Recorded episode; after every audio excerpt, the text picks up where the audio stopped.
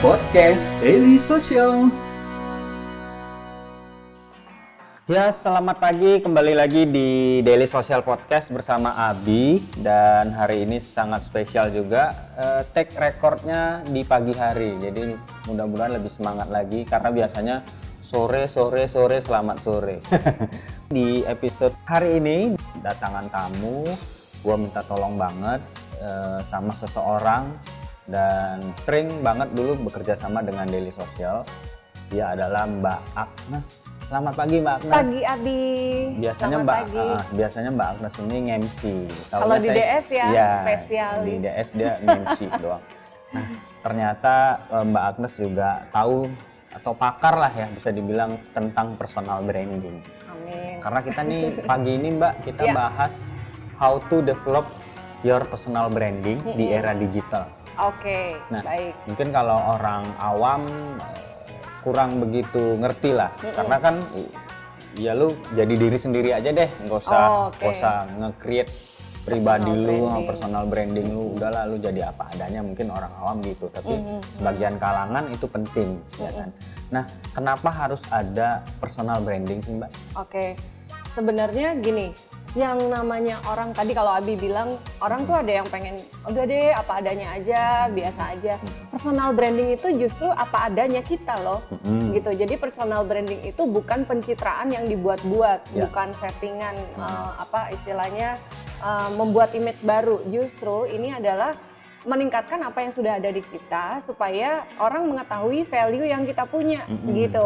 oke Dan tanpa orang sadari sebenarnya tiap orang udah punya personal Punya, branding gitu. Sekarang misalnya kayak Abi gitu. Mm-mm. Abi personal brandingnya apa nih gitu kan? Abi kalau misalnya jadi personal branding itu adalah sebuah eh, sebutan atau image Mm-mm. yang ada di benak orang pada saat orang itu mendengar nama seseorang. Misalnya kayak gini, eh, kamu tau Abi Daily Social nggak? Mm-mm. Nah ada brand Daily Social yang melekat di Abi Oke, gitu kan? oke. Abi yang mana yang di DS? Itu yang Abi yang suka bikin podcast. Mm-mm. That's your personal brand Oke. sebenarnya gitu. Mm-mm. Jadi tanpa kita sadari semua orang tuh, tuh udah punya personal brand. Mulai dari kita kecil juga Iya. gitu ya. Bahkan sekarang banyak juga anak-anak kecil yang juga udah punya personal brand. Iya. Contohnya siapa? Gempita. Gempita Iya kan? anaknya Raffi ya Eh, anaknya itu, anaknya Enggak, Gading. anaknya Raffi juga Anaknya Raffi juga, ah, Rafathar gitu. Rafathar. Itu anak-anak itu sudah punya personal brand Mm, mm, gitu, mm, mm. tanpa mereka sadari. Jadi memang yang namanya personal brand ini sebenarnya adalah bagaimana orang bisa punya uh, image tertentu Mm, mm. di orang lain pada saat namanya disebut, ya orang langsung merefer oh yang itu Oke. gitu. Jadi intinya personal brand itu untuk membedakan kita dengan yang lain gitu. Kalau loh, Bi. dari sisi eh, tampilan, Mbak, Mm-mm, itu bisa appearance. dibilang eh, itu bisa dibilang personal branding nggak? Mungkin dia memakai sesuatu di mukanya, di Mm. kepalanya, atau dia pakai apa? Itu bagian dari personal branding. Bagian dari personal branding. Kalau personal branding itu secara keseluruhan adalah bagaimana kita bersikap, bagaimana kita bertutur, bagaimana tampilan kita. All package ya. All package itu yang menjadikan kita sebuah personal brand Mm-mm, gitu. mm-mm. Kalau misalnya gini, sebuah produk disebut brand Mm-mm. itu karena ada mereknya kan, Ya, betul. ada tampilan packagingnya kan, kita tahu nih. Sekarang kalau misalnya kita sebut uh, sebuah mie instan, kalau dia di situ cuma tulisan kari ayam, Mm-mm. tapi nggak ada mereknya, Iya. kita jadi ragu nih mau beli. Iya. Ini yang ini bukan ya? Kemarin ada mereknya kok Mm-mm, sekarang nggak ada. mm-mm. Itu gitu kan, Iya. jadi membedakan dia dengan yang lain. Mm-mm. Terus kalau eh, di era sekarang nih Mbak, di era Mm-mm. digital, sebuah personal branding Mm-mm. emang penting banget ya Mbak? Penting sekali, apalagi sekarang di dunia digital ya. Semua orang mencari segala sesuatu melalui online. Mm-mm. Pada saat kita punya sebuah bisnis Mhm. atau pada saat kita ingin karir kita lebih meningkat lagi atau misalnya ada orang yang pengen banget bisa dikenal banyak orang Iya. uh, karena dia punya skill-skill tertentu yang mau dia jual, ya Hmm. dia harus punya keberadaan atau personal brandingnya di sosial media atau di online. Iya. Itu penting banget. Gitu. Karena sekarang gini, bandingkan kalau misalnya orang mencari sebuah produk nih, let's say Iya. misalnya kopi kan lagi hits banget Iya, ya betul. gitu kan. pada saat dia mencari sebuah kopi toko kopi gitu kan terus kemudian dia cuma tahu dari teman-temannya Mm-mm. kemudian teman-temannya taunya dari mana ternyata dari online Iya.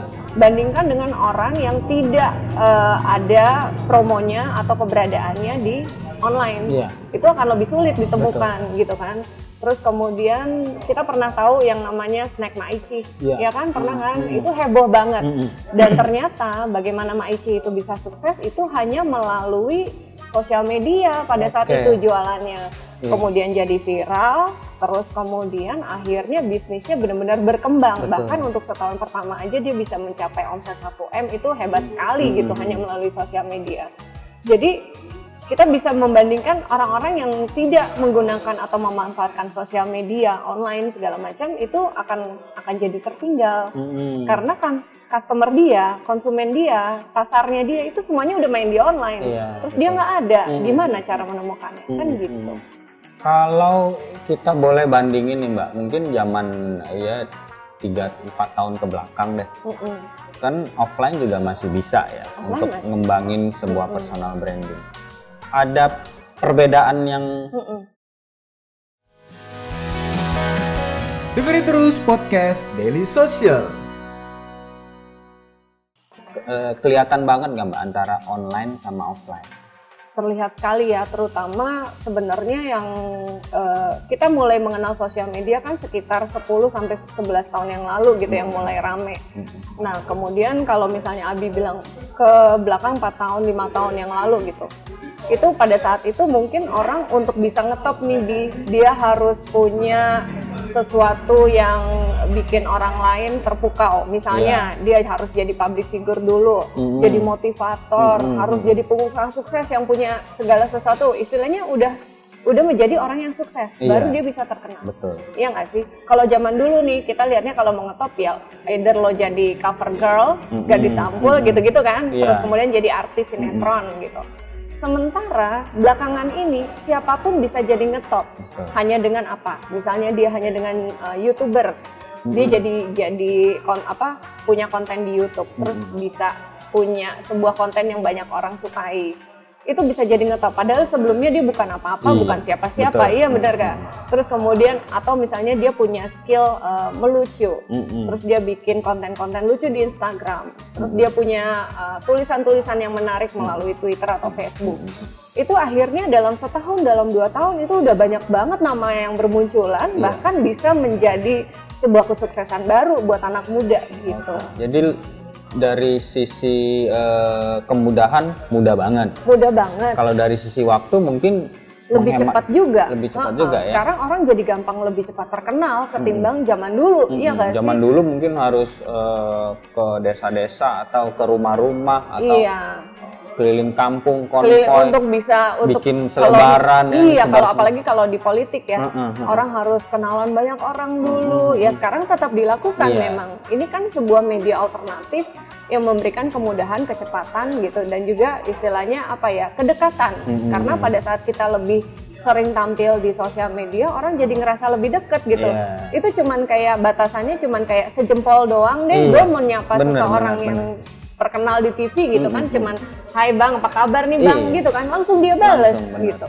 Itu, jadi istilahnya kedekatan, kecepatan, kemudahan itu bisa dijangkau oleh segi sosial media. biaya kos juga Betul. hemat banget ya. Betul.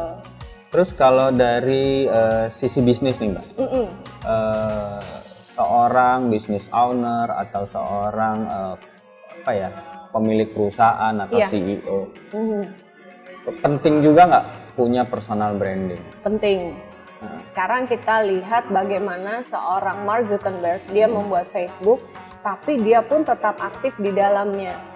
Hal itu dilakukan supaya uh, para pengguna Facebook juga bisa mendapatkan uh, inspirasi yang langsung dia uh, lontarkan di Facebooknya dia, gitu kan, sehingga orang merasa dekat nih dengan Mark Zuckerberg. Iya. Sehingga pada saat kemarin terjadi kasus di Facebook Iya. yang mengenai apa pelanggaran data, segala macam, orang bisa melihat bagaimana dia menyikapi hal tersebut tanpa perlu uh, tanpa melalui press conference dan Iya. segala macam. Sehingga kan ada validitas yang bisa kita percaya karena ada ada satu sisi si Mark Zuckerberg udah punya uh, sanggahan lah ya Iya, betul. istilahnya dari akun pribadinya. Terus kemudian kita juga bisa melihat bahkan dari presiden-presiden negara Iya. lain gitu kan, mereka juga diwajibkan punya Twitter gitu kan. Karena apa? Pada saat orang-orang membicarakan mengenai krisis di negara tersebut, dia sudah bisa menyanggah secara resmi tanpa harus dia menggelar press con. Misalnya Hmm, seperti hmm, itu. hmm.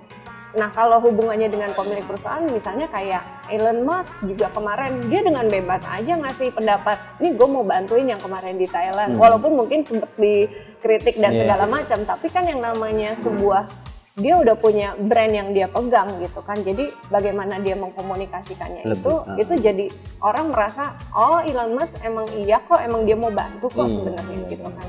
Jadi penting sekali sebagai sebuah business owner atau juga pemimpin perusahaan itu keberadaannya di sosial media akan membantu bisnisnya lebih dikenal. Iya betul. Eh, terus Mbak, mungkin ada strategi tertentu atau ada aturan main tertentu ketika kita mau eh, masuk di ranah digital dengan Hmm. personal branding kita. Ya, intinya sebenarnya gini. Oh ya udah kalau gitu gue harus bikin apa namanya sos- sosial media gue harus aktif di sosmed untuk personal branding gue. Mm-mm, mm-mm. Betul. Tapi tetap kita harus melihat aturan-aturan yang baik ya Iya. untuk bisa personal branding itu sukses. Yang pertama dia harus tahu dulu eh, target marketnya dia siapa sih. Iya. Target market ini terlihat dari bisnis yang dia jalani, saat Jalani, itu, betul. gitu kan. Terus eh, supaya dia juga bisa menentukan ada di sosmed mana ya nanti gua Mm-mm, gitu. Dia misalnya gini, kayaknya gue mau semua sosial media deh. Mm-mm. Perlu nggak? Nggak butuh begitu juga Iya. gitu karena semakin banyak sosmed yang lo jalanin lo akan tersita waktu lo Mm-mm. lo akan semakin tidak fokus gitu akhirnya j- yang ada lo nggak ngurusin kerjaan tapi ngurusin sosmed lo doang Iya, gitu kan betul. terus kemudian eh, yang pertama lagi yang lebih penting adalah tujuan lo Mm-mm. untuk di sosial media lo di sosial media sebagai personal branding lo lo tuh mau dikenal sebagai apa Betul. lo mau dikenal sebagai pimpinan perusahaan lo kah? Atau justru lo mau dikenal sebagai uh, orang yang punya passion di hal tertentu walaupun lo adalah seorang CEO dari sebuah perusahaan. Bisa Iya, juga bisa seperti juga. itu gitu. Jadi tujuan lo ngapain dulu nih di Iya, sosmed. betul. Terus lo mau dikenal sebagai apa sih di sosial media? Kemudian siapa aja nih target market lo gitu. Mm-mm. Siapa aja yang akan mendengar atau membutuhkan inspirasi dari kamu gitu kan. Betul. Terus itu akan menentukan sosial media platform. Baru terakhir kita memilih sosial media mana nih yang cocok buat Yang paling gua. pas, betul. ah, sesuai dengan target market gua, sesuai dengan passion gua dan skill yang gue punya. Nah kalau itu gimana Mbak? Nah. Eh, misalnya ya masing-masing ber- berbeda lah. Mungkin ada Facebook, ada Twitter, Iya. ada LinkedIn dan Betul. masih banyak yang lain lagi. Iya, Ada perbedaan nggak? pasti. Heeh. Jadi masing-masing platform kan punya keunikannya sendiri-sendiri. Nah, kita udah tahu nih secara awam untuk sekarang yang lagi rame kan Instagram. Mm-mm. Tapi kalau misalnya di Instagram itu rame, kita lihat lagi dulu. Oke, gue pengen punya Instagram. Kira-kira apa nih yang lo mau kasih di Instagram? Konten lo seperti apa? Hmm. Jangan cuma selfie melulu dong, Iya, ya kan? Sekali-sekali kalau emang lo punya bisnis, lo fotoin tuh produk lo. Mm-mm. Lo kasih tahu produk knowledge-nya, lo kasih tahu behind the scene-nya proses Iya. dari uh, produk lo tersebut. Walaupun mungkin untuk beberapa orang, wah ini kayaknya buka dapur. Ya lo Iya. bisa-bisa lo lah bagaimana Ah. lo menyiasati supaya orang tertarik untuk mengetahui gini loh proses gua dalam membuat sebuah produk ini gitu misalnya seperti itu. Jadi jangan selalu membicarakan tentang kita. Kita harus berpikir bagaimana orang ingin tahu mengenai kita dan brand yang kita Brand. pegang Mm-mm. seperti itu. Terus kemudian gini, oke kalau di Instagram berarti yang dibutuhkan adalah foto yang Foto menarik, yang bagus. caption yang bagus Hmm. gitu kan. Terus kemudian yang pasti di mana pun platformnya itu yang dibutuhkan adalah konsisten dan uh, komitmen. Iya, betul. Jadi harus rutin. Jangan sebulan sekali posting. Mm-mm. Lo mau posting di mana aja kalau sebulan sekali nggak akan Iya, berhasil betul. personal branding lo. Orang Betul. akan lupa Iya. gitu kan. Tujuannya membentuk personal brand kan supaya lo diingat sama orang Betul. gitu kan. Jadi uh, itu satu. Kemudian kalau misalnya bedanya Instagram sama Facebook, interaksinya udah pasti beda. Beda. Di Facebook orang lebih dekat. Di Instagram itu kesannya kalau ada orang komen itu nggak nggak terasa kedekatannya walaupun kita kenal Mm-mm. gitu kan. Sementara kalau di Facebook itu kita bisa komen, wah berbalas panjang dan Iya. segala macam Iya. gitu kan. Terus kemudian kalau di Facebook eh, fiturnya lebih lengkap daripada Instagram. Contoh, kita nulis link aja URL gitu. Mhm, mhm. Di Facebook masih bisa klik. kedetek Ah, ah, iya kan? Kalau di Instagram kan Enggak. enggak, gitu. Jadi murni memang ya kalau Instagram yang yang bagus, yang menarik itu yang yang bisa jadi eh, orang jadi banyak pengen follow. Informasinya juga lebih update gitu kan. Terus kemudian kalau di Facebook algoritmanya itu yang menentukan kan Facebooknya tuh iya jadi kita nggak melihat timeline seperti di Twitter. Timelinenya tuh tergantung kalau ada yang like dia bisa naik lagi, Iya, gitu kan. Nah, makanya tetap aja konsisten, rutin, gitu kan. Kedekatannya, cara berbicaranya juga beda, gitu. Nah terus kalau Twitter, Twitter ini untuk seorang business owner ini penting, penting banget penting banget. Karena kenapa?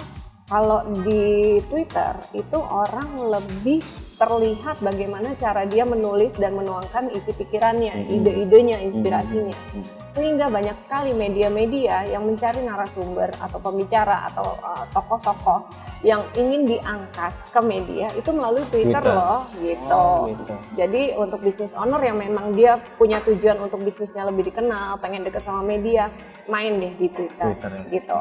Nah, terus kemudian ada yang namanya LinkedIn. oh iya Nah. LinkedIn ini wajib untuk seorang bisnis owner, CEO dan sebagainya. Ini Oke. wajib. Karena apa? Karena eh, seorang pebisnis dia butuh untuk networking. Iya. Baik networking untuk usahanya maupun networking untuk mengenal orang lebih banyak Betul. lagi. Nah, di LinkedIn ini bisa terlihat lebih profesional. betul Eh, bersosial medianya tuh beda dengan Facebook Bet- ataupun beda Twitter banget. gitu kan. Bagaimana di LinkedIn itu kita bisa melihatkan produk-produk apa sih yang kita sedang eh, rancang Mhm, gitu. mhm. Ide-ide seperti apa sih yang ingin kita bangun. Di situ juga kita punya kesempatan untuk bisa bertemu orang-orang yang punya visi misi yang sama dan Betul. sebagainya. Jadi intinya gini, LinkedIn itu kayak online resume yang resmi banget dan Betul. lo harus terlihat profesional di situ. Mhm. Sementara kalau Twitter itu istilahnya kayak lo menuangkan ide lo. Ide. Itu saya kayak microblogging kan, Mm, mm, ya mm, seperti itu. Sementara kalau Facebook dan Instagram itu udah kayak etalase, betul katalog Mm, mm. seperti itu. Berarti eh, untuk saat ini ya eh, setiap orang harus paham ya masing-masing Beda-bedanya beda platform. bedanya. Nah kalau emang dia jago atau dia jago untuk ngomong di depan kamera, dia punya passion juga untuk menampilkan video-video yang bagus, monggo aja di YouTube. Oh, benar, gitu. benar, benar, benar. Betul. jadi harus pinter-pinter intinya. Betul. Eh, kalau untuk eh, Jangan lupa subscribe di soundcloud.com podcast daily social. kalau plus minus ada nggak? Plus minusnya. Ah, ah. Nah, plus minusnya ini eh, kalau dari masing-masing platform tentunya dia punya kelemahan. Ya itu tadi kalau misalnya di Instagram kita nggak bisa tuh ngasih link. Misalnya kita Ya. mau bikin acara atau silahkan datang apa segala macam, linknya tuh nggak bisa diklik gitu kan. Tapi kemudahannya ini lagi banyak yang pakai, lagi ngehit gitu kan. Jadi banyak yang lihat gitu. Sementara kalau di Twitter bagus untuk eh, istilahnya membangun image dan kedekatan dengan media. Mhm. Terus kemudian sekarang juga mulai rame, walaupun sempat ditinggalkan banyak orang gitu ya. Iya. Eh, kelemahannya dia tidak terlalu visual, jadi Iya. untuk video dan foto dia masih nggak terlalu menarik, Menarik, gitu benar. tampilannya. Sementara kalau di Facebook sebenarnya fiturnya paling lengkap, tapi masalahnya algoritmanya itu tidak berdasarkan real time base, tapi berdasarkan eh, interaksi yang dibangun dari eh, postingan tersebut. Gitu. Apalagi ya kira-kira ya? Eh, yang pasti kalau untuk personal branding secara online, dia harus tahu etika di sosial media. Mhm. Bagaimana cara dia berinteraksi sama orang, Iya. sebenarnya sama aja dengan kehidupan nyata. Mhm. Sama sama offline, pada saat dia menyapa orang, nggak mungkin dia langsung so akrab, hey bro, gue minta nomor lo dong, nggak bisa seperti itu juga. Terus pada saat dia memposting sesuatu, terus ada yang komen, ada yang suka dan nggak suka, bagaimana cara kita menghandle-nya, itu kita nggak boleh langsung terprovokasi emosi dan Mhm. sebagainya gitu ya. Intinya memang banyak hal yang di kehidupan nyata tetap harus dijalankan di digital Digital. gitu karena kan mungkin orang suka lupa bahwa di, di digital itu karena gara-gara ah itu kan cuman udahlah gue nge-tweet gitu doang nggak apa-apa Mhm. kali nggak bisa Mhm. apa yang lo posting apa yang lo katakan itu yang membentuk personal brand lo gitu jadi harus patuh banget sama yang namanya social media etika Mhm. Kalau dari apa lagi ya? Mungkin cara ngebangun, Mbak. Cara Mhm. ngebangun personal branding Mhm. kalau memang untuk orang awam Mm-mm. mungkin dia udah punya tapi ada step-stepnya nggak dari awal sampai dia bisa ya paling nggak mungkin eh, viewer atau subscriber Follower. atau follower nambah Hmm, lah gitu. Oke, yang pasti orang-orang pada gini, gimana sih caranya followernya banyak gitu kan? Pasti pertanyaan gitu. Yang pertama sih sebenarnya bagaimana kita dari basic dulu yang tadi aku bilang. Kita bikin dulu deh tujuan kita di sosmed ngapain. Kita mau dikenal sebagai apa. Itu nanti yang akan diletakkan di bio kita Mm-mm. di semua sosmed. Mm-mm. Di bio kita tuh kita nulis gitu. Saya misalnya saya Agnes Marlita, uh, terus kemudian profesi saya apa, tulis aja di situ atau passion saya apa. Misalnya kayak kalau saya kan memang uh, saat ini aktif di Sinau gitu, itu training academy ya kan. Saya akan tulis bahwa saya trainer di Sinau, personal branding sosial media Mhm. seperti itu. Nomor kontak perlu nggak? Perlu. Perlu. tapi email aja karena kalau nelpon ntar lo disalahgunain sama orang-orang Yang yang, mau itu ha, gitu kan yang mau nawarin ini itulah Iya, gitu betul. kan jadi sebaiknya memang uh, email aja terus kemudian uh, bagaimana cara membangunnya intinya pertama isi konten secara rutin kemudian itu harus fokus dengan brand yang lagi kita bangun kalau kita lagi ngebangun brand misalnya saya sebagai uh, pengusaha UMKM uh, dari Jogja misalnya produk saya adalah kain batik ya kita fokus ngomongin batik gitu Mm-mm. kita fokus ngomongin produk kasih knowledge mengenai batik kasih knowledge mengenai pembuatan batik kasih knowledge mengenai tren-tren batik yang Hmm. ada atau sejarah batik atau apa pun sehingga orang akan melekatkan kita dengan keseharian kita di sosmed oh Hmm. emang dia tuh yang yang ahli batik Hmm. banget tuh dia Hmm. gitu pada saat akhirnya orang mengenal akhirnya orang pengen tahu lebih jauh betul. pada saat itulah akhirnya orang mau follow Mm-mm. pada saat dia udah follow kalau dia suka dia akan memviralkan ke temennya lo follow dia deh bagus deh sejarah-sejarah batik dan sebagainya pada saat sudah banyak yang uh, tahu terus banyak yang suka akhirnya kan banyak yang follow setelah banyak yang follow apa pun yang kita uh, posting itu bisa menjadi sebuah acuan buat mereka kita akhirnya jadi sebuah influencer Mm-mm. gitu dia Mm-mm. prosesnya seperti itu tapi yang namanya personal branding memang nggak bisa lo ngarepin pokoknya tiga bulan gue ngetop ya Iya. Nggak bisa lo punya tujuan Hmm. seperti itu tapi harus ada step-step yang lo lalui Betul. gitu. Eh, ada lagi mungkin mbak yang mbak Agnes mau tambahin dari sebuah Hmm, personal branding. ya sebenarnya gini keberhasilan personal branding itu tergantung orang yang melakukannya. Mm-mm. kalau dia bilang saya nggak punya waktu. Oke kamu nggak punya waktu. Berarti pilih salah satu sosmed aja deh gitu kan. Aduh tapi saya nggak ngerti gini belajar. Mm-mm. ya semua orang juga awalnya nggak bisa gitu. Iya. semua orang juga awalnya nggak ngerti. Tapi lihat dari orang-orang yang kamu kagumi. Misalnya saya mau main di Instagram aja deh kayak seneng saya seneng nih motret ini ini Iya, segala macam contoh orang-orang yang sama seperti kamu kemudian lihat bagaimana mereka memposting memberi caption berinteraksi dan sebagainya Mm-mm. sehingga kamu punya inspirasi oh kayak gitu lama-lama akhirnya bisa kok Iya. dan yang kedua, itu harus rutin dijalanin. Misalnya, untuk awal itu seminggu minimal, minimal banget kamu harus posting dua Iya. gitu. Terus kemudian nanti rutin, seminggu paling enggak dua, terus kemudian sebulan kan berarti delapan. Iya. Itu kamu rutin terus. Iya. Harus punya itu pasti konten. akan terus- ada, ah, itu pasti akan ada impactnya. Mm-mm. Terus jangan cuman kamu ngerasa kok nggak ada follower, lalu follow siapa? Iya. Lo juga harus follow orang Mm-mm. namanya juga kayak di kehidupan nyata kalau lo pengen dikenal orang ya lo kenalan sama orang Ah, benar benar. lo adain interaksi sama orang Iya. pada saat lo nge-like orang lo follow orang orangnya juga pengen tahu tentang lo kan Iya. pada saat lo orang itu ngelihat bio lo oh ini oke nih orang ini ternyata Mm-mm. dia akan follow balik Iya. nggak usah mengemis-ngemis fallback dong Mm-mm. fallback dan segala macam itu nggak perlu Ya tunjukin aja kreativitas iya apa segala kita kan macam. udah punya konten ah, ah, benar, benar. itu dia Mungkin itu aja mbak. Mungkin itu aja. Mungkin itu aja. Eh, jadi basically pokoknya personal branding offline dan online sekarang penting. Jadi online ini sebagai eh, apa ya tools baru yang mempermudah orang untuk membentuk personal branding Hmm. secara lengkap. Betul. Gitu.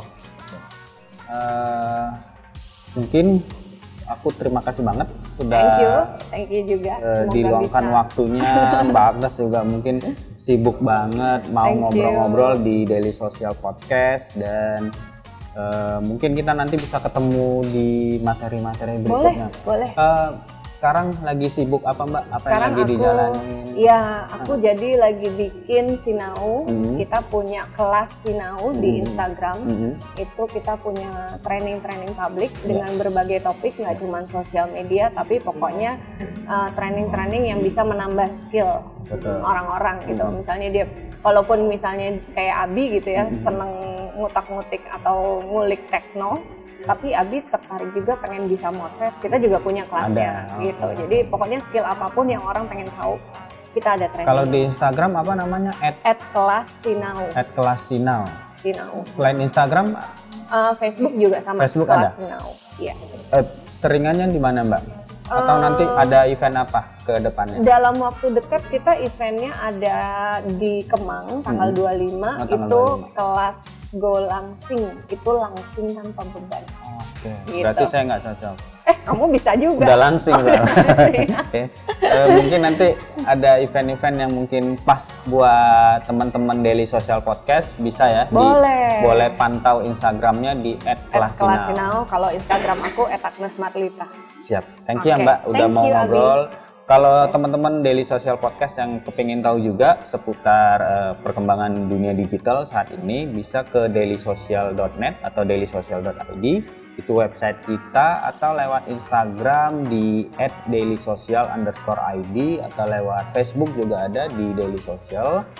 Berikutnya di Twitter di @dailysocial atau di YouTube juga ada konten kita ada DS Tour, ada Open Box dan ada yang lainnya. Dan terakhir mungkin teman-teman yang kepengen dengerin audio ada di SoundCloud, di Daily Social Podcast, di Anchor juga ada, terus ada di Google Podcast juga ada, ada di Spotify juga ada. Jadi lengkap teman-teman mau pilih mana tinggal ketik aja Daily Social. Terima kasih buat Mbak Agnes. Sama-sama sukses terus buat Daily Social, Ya. buat Abi juga. Terima kasih. Kita ketemu di episode berikutnya. Bye. Bye. Jangan lupa subscribe di soundcloud.com podcast daily social.